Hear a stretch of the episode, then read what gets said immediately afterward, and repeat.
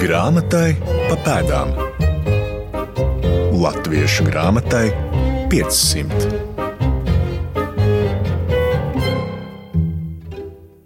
Labdien! Jūs sveicina Toms Strēbergs. Mūsu šīsdienas stāsts būs ieturēts visai skumjās notīs, proti, veltīts tām dokumentārajām liecībām, kuras vēstīja par Krievu karaspēku aplenkumu Rīgai 18. gadsimta sākumā.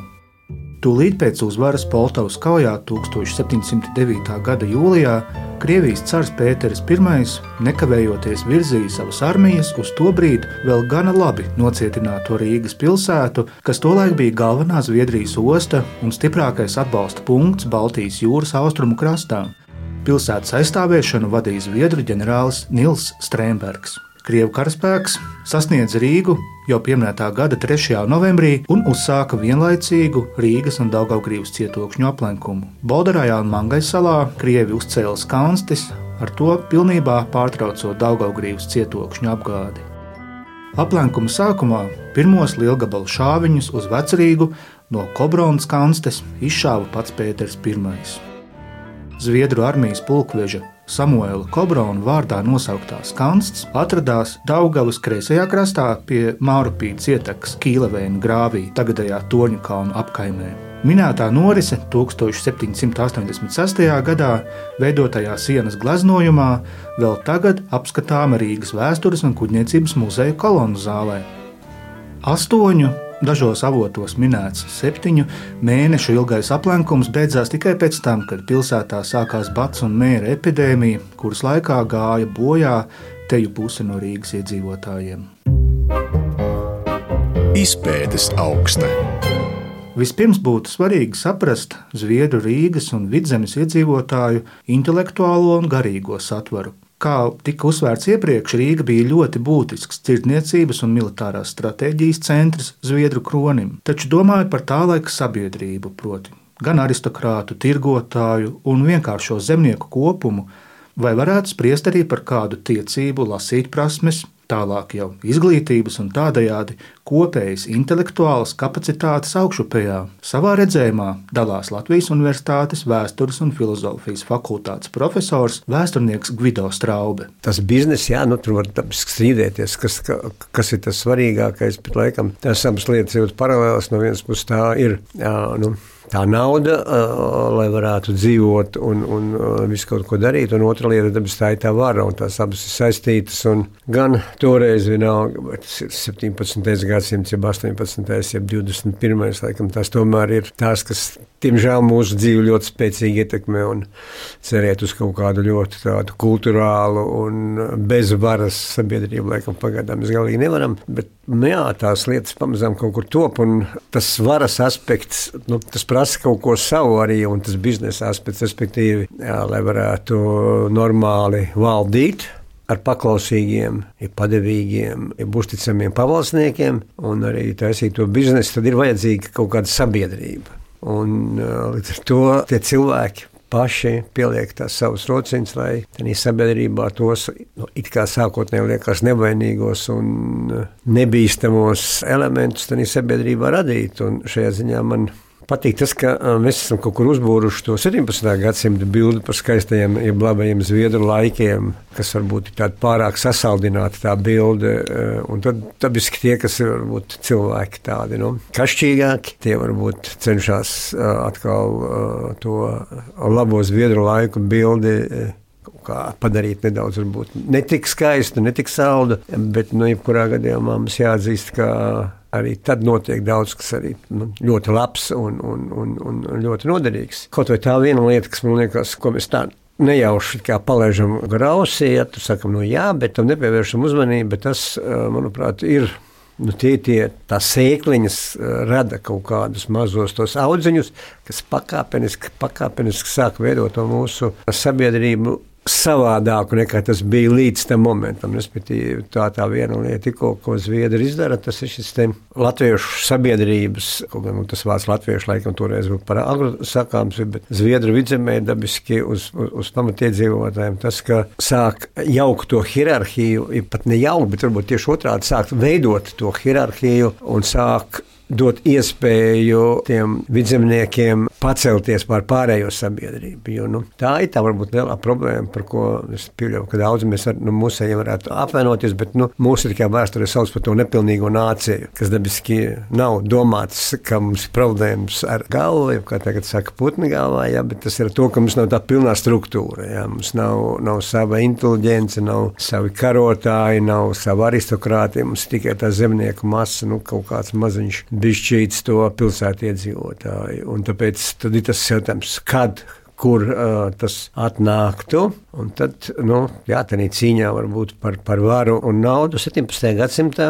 Tas tiek nests iekšā, jā, un tie pirmie, tie divi pirmie stādiņi, kas tomēr kļūst ļoti tādi spēcīgi, laikam, ar, relatīvi īsā laikā, tie, tie ko zviedri ienes, tie, tad, tad tie pērmenderi un ķesteri, kas ir uh, Luteriskajā baznīcā, un tad tie ir tie pirmie, varbūt, inteliģences tie pionieri, jeb nezinu, kā, kā nu, jā, jaunatklājēji, jaunatklājēji, kas mm -hmm. sāk mainīt varbūt sabiedrību ar to izpratni par to, ko var viens zemnieku cilvēks uh, savā dzīvē sasniegt, un, un, un kāda var būt tā viņa ikdienas dzīve. Un, un Pērmenders varbūt mazāk kaut gan arī ir, bet ķesteris jau ļoti izteikti, nu, viņš vairs nav tas vakardienas zemnieks, kuram ir tikai tik un tikai tas uh, nu, darbs laukā, uh, art, pļaut uh, un strādāt mūžā. Viņš jau ir tāds smalks cilvēks, viņam ir pienākumu baznīcā, viņam ir, ir baznīca jāsakārto pirms dievkalpojuma, pēc dievkalpojuma, un tā kā viņš piedalās tajā visā dzīvē, kā mācītāja labā roka, tad viņš jau nu, sāk daudz ko no tām baznīcas gudrībām, varbūt sākotnēji tikai caur ausīm, iemācīties un atcerēties, un pēc kaut kāda laika viņš var arī to mācītāju kaut kādās vienkāršās lietās aizvietot, jo viņš vienkārši atcerās, kas ir jāsaka tie sakrālie vārdi. Ja? Bet ar laiku viņš jau iemācās arī lasīt. Jo nav jau laikam tā lasīšana nekāda ķīniešu abets, un pat saka, arī ķīniešu abets arī iemācīties. Bet ar mm, to tā, nu, tur parādās tie cilvēki, kas var sākt. Tad brīnumā, ko sauc par grāmatu, ieraudzīt kaut ko jau tīri noderīgu. Ja, un, nu, to izdara zviedri. Kaut gan es šaubos, vai viņu aprēķins bija, jeb, jeb nodoms, jeb tie tālai plāni bija. Jā, te varētu būt nacionāla atmodu. Ja, bet viņi ir tie, kas ir tas sākums, un mēs redzam, ka Pērminderi un ķesteri tie ir arī tie, kas 17. gadsimtā vēl kā izņēmums, bet 18. gadsimtā tie ir pirmie latviešu skolotāji arī viena liela daļa. Ja, un tad piramīda sāka veidoties, kur beigās mēs dabūsim vēl pēc kaut kāda maza brīteņa jaunatviešu. Tas sākums ir ļoti elementārs, kad Gustavs II Ādolfs prasa, kādi ir pavalsnieki, cik viņi ir uzticīgi, tad tiek taisīta baznīcas vizitācija, konstatē švaki, neko nezina. Līdz ar to nu, švaks kristietis, līdz ar to švaks pavalsnieks, un tad kaut kas jādara. Un, izdara kaut kādu, varbūt tās ļoti maziņu lietiņu, cerībā, ka būs labs kristietis un labs pavalsnieks, bet beigā, beigās iznāk, ka uzstājas arī, ka būs labs latviešu kārtīgs un domās par savu Latviju varbūt pat. Dramatismu kamertoni par notiekošo Krievu karaspēka aplenkuma laikā Rīgā ieskandēja Latvijas Universitātes Akademiskās bibliotēkas reto grāmatu un rokrakstu nodaļas vadītāja Aija Taimiņa.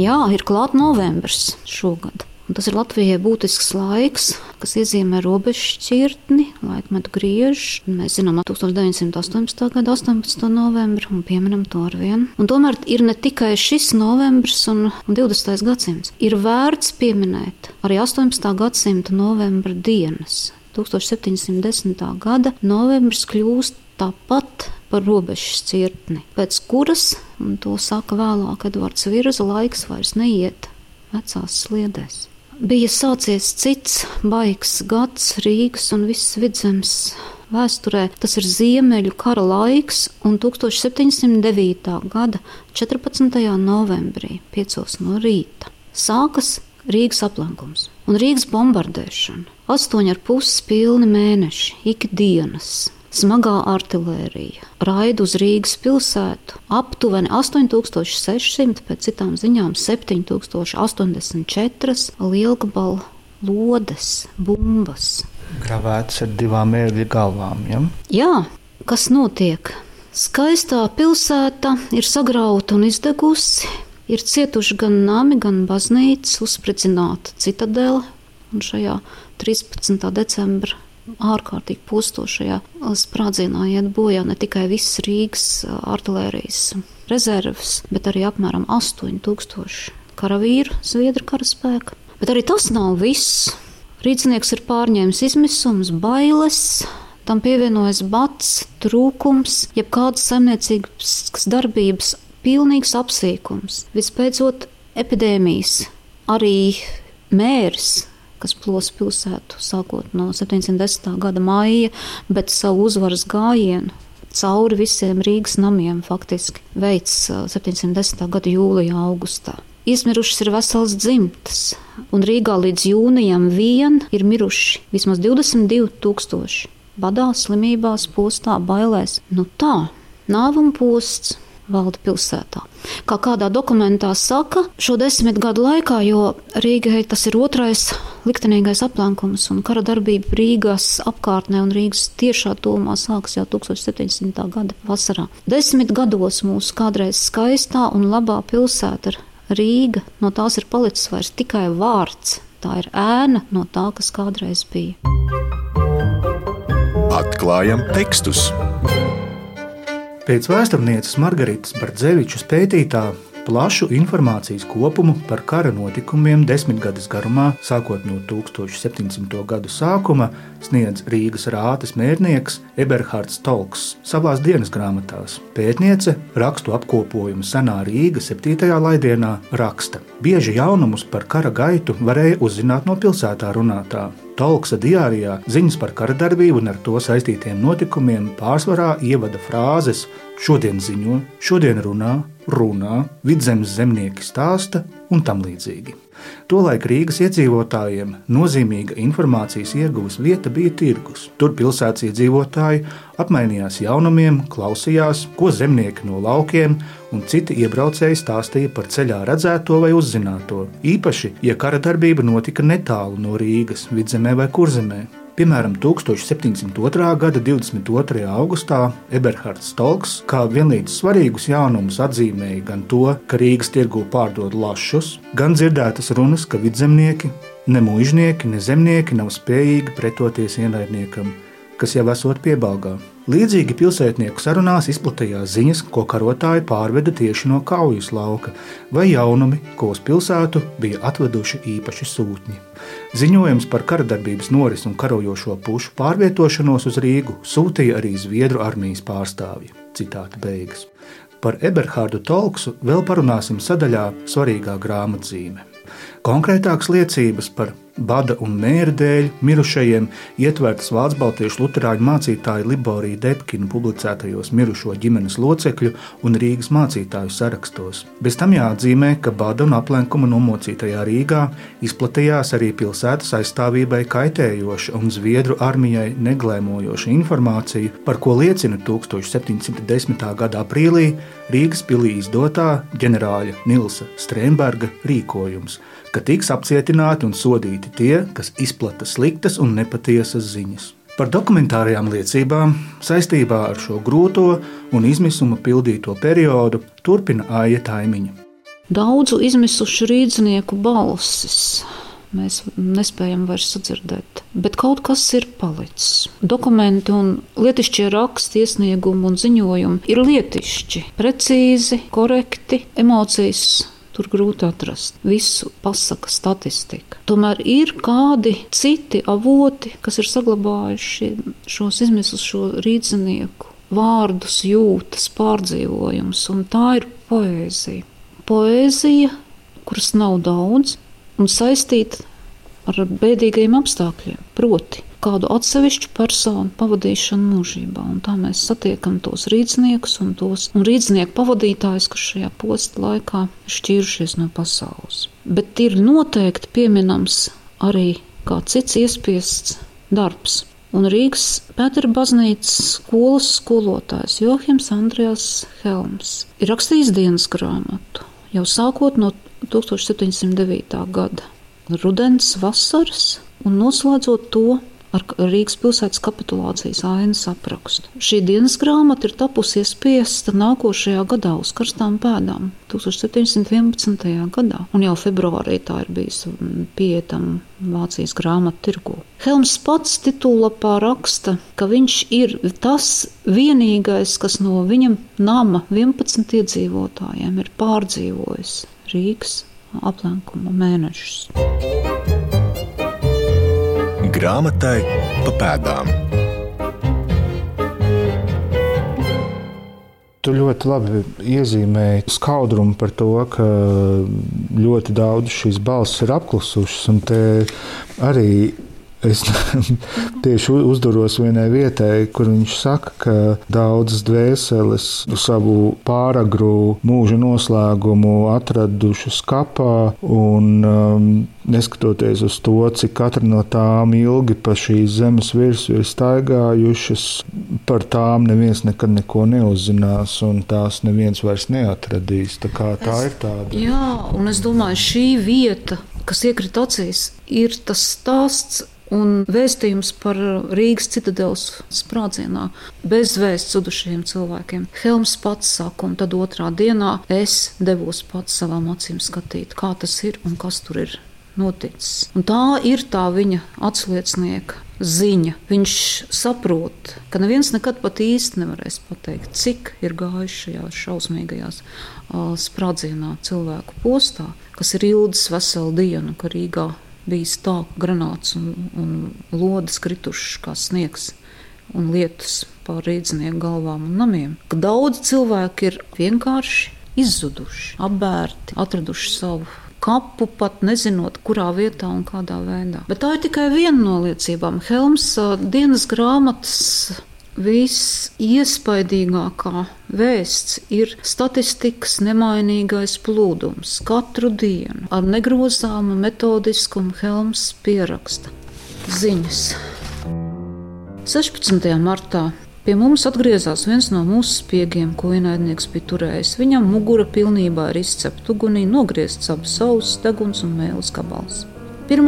jūnijas Iebruka priekšpilsētā mūsēji aizcināja skaisto Jorga baznīcu un dažas mājas un dzirnavas. 17. jūnijas ienaidnieks šāva ļoti lielas bumbas, kas ļoti bojāja baznīcas un namas, daži pilnībā sabruka. 18. jūnijā. Tāpēc, ka ienaidnieks visu nakti stipri bombardēja, tika zināms, ka vairāk kā simt cilvēku bumbas ir saplosījuši.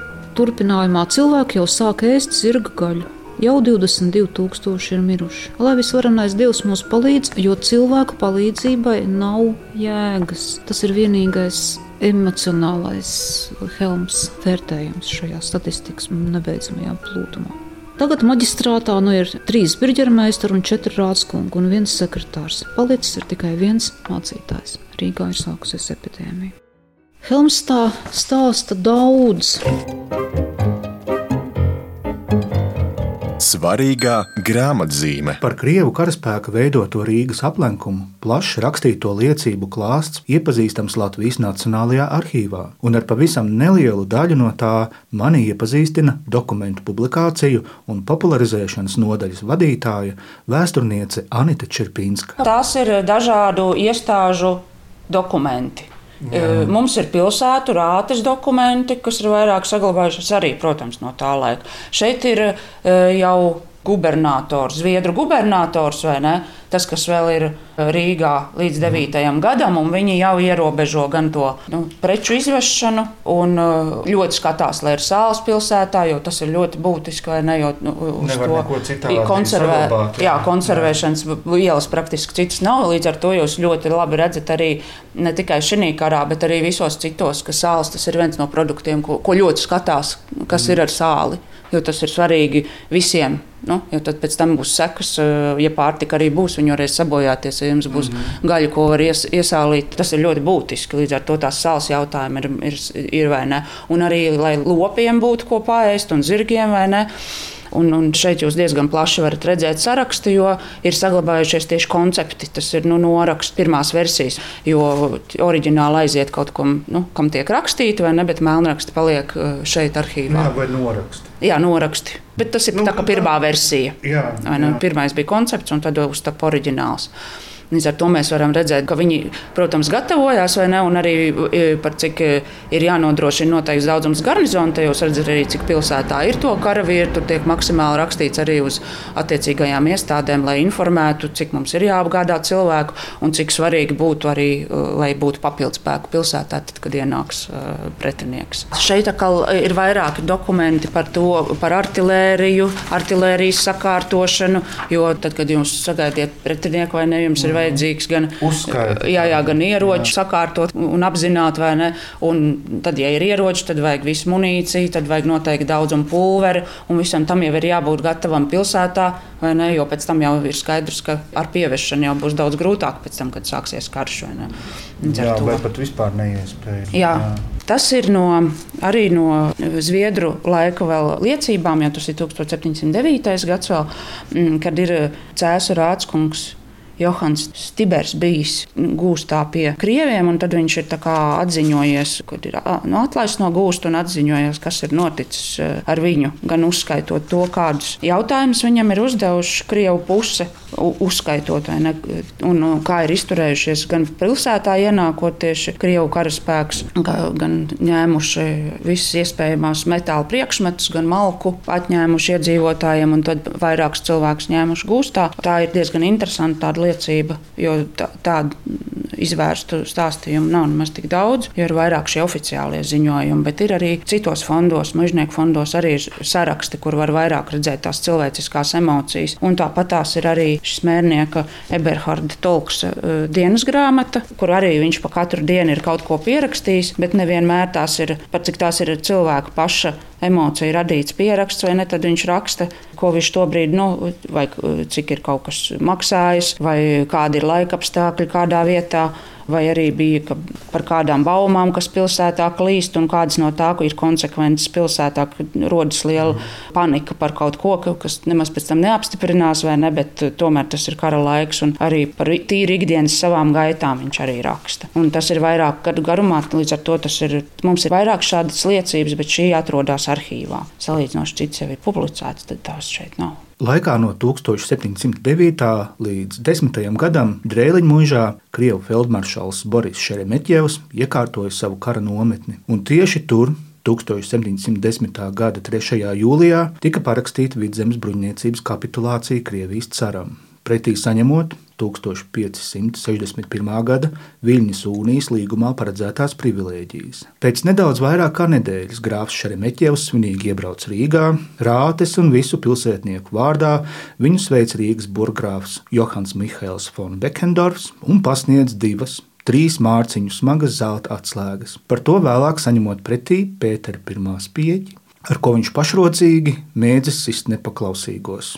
Liels brīnums, vai ne? Zīmīgi, ka atslēgu izliešanai bija jānotiek divu dienu laikā, un jau tā nabadzīgajai Rīgai tas prasīja 800 zelta dukātus. Bet simboli paliek simboli. Viens no tiem Proti, cara parakstītā privilēģija Rīgas kapitulācijai glabājas Latvijas Nacionālajā arhīvā, un arī ar šo dokumentu mani aicina iepazīties Anita Čerpīnska. Un tad padošanās, ne, bet privilēģija. Jā, Jo tā mums arī ir. Tad, kad uh, Rīgas, Rīga jau padodas Krievijai, tad viņi paraksta akordu punktus. Šī ir privilēģija pati par sevi, bet akordu punkti ir tā, ka vienā pusē tika Rīgas pilsēta uzrakstītos savus padošanās noteikumus. Tāda arī ir vidzemes mūžniecība, ka bija tie, ko, kā viņi ir ar mieru padoties, un tad pretējā pusē Šeremetjevs saskaņo ar uh, Pētera pirmā atļauju vai nē, rakstīja, ka tam viņš piekrīt, tam nē, un tad bija punkti, kur bija rakstīts, ka tas vēl jāapspriež ar caru, vai ne, vai tam ir jāskatās, kā tas at, sa- saskaņojās ar Krievijas likumdošanu, bet principā tie punkti, kurus uz, parakstīja, nu, kur pilsēta uzstādīja, viņi pi, lielākā daļa tomēr arī tika akceptēti, jo Krieviem tas bija izdevīgi to brīdi, lai tā Rīga tomēr ne. Un tad šeit ir e, privilēģija, kur jau pati, pats Pēters I paraksta tieši nosakot, ka, ka visas pilsētas tās tiesības, kas viņai agrāk bijušas, un arī ka pilsēta pati pārvalde tiek saglabāta tāda, kāda viņa ir. Līdz šim. Līdz ar to rāta principā un, un pilsētas tā, eh, kā pilsēta darbojas, pilsētas tiesības, eh, viņas tiesības arī uz mūžām, vai ne, ka tās tiek saglabātas. Par jebkuru iztēli daudz drausmīgāka mēdz būt īstenība.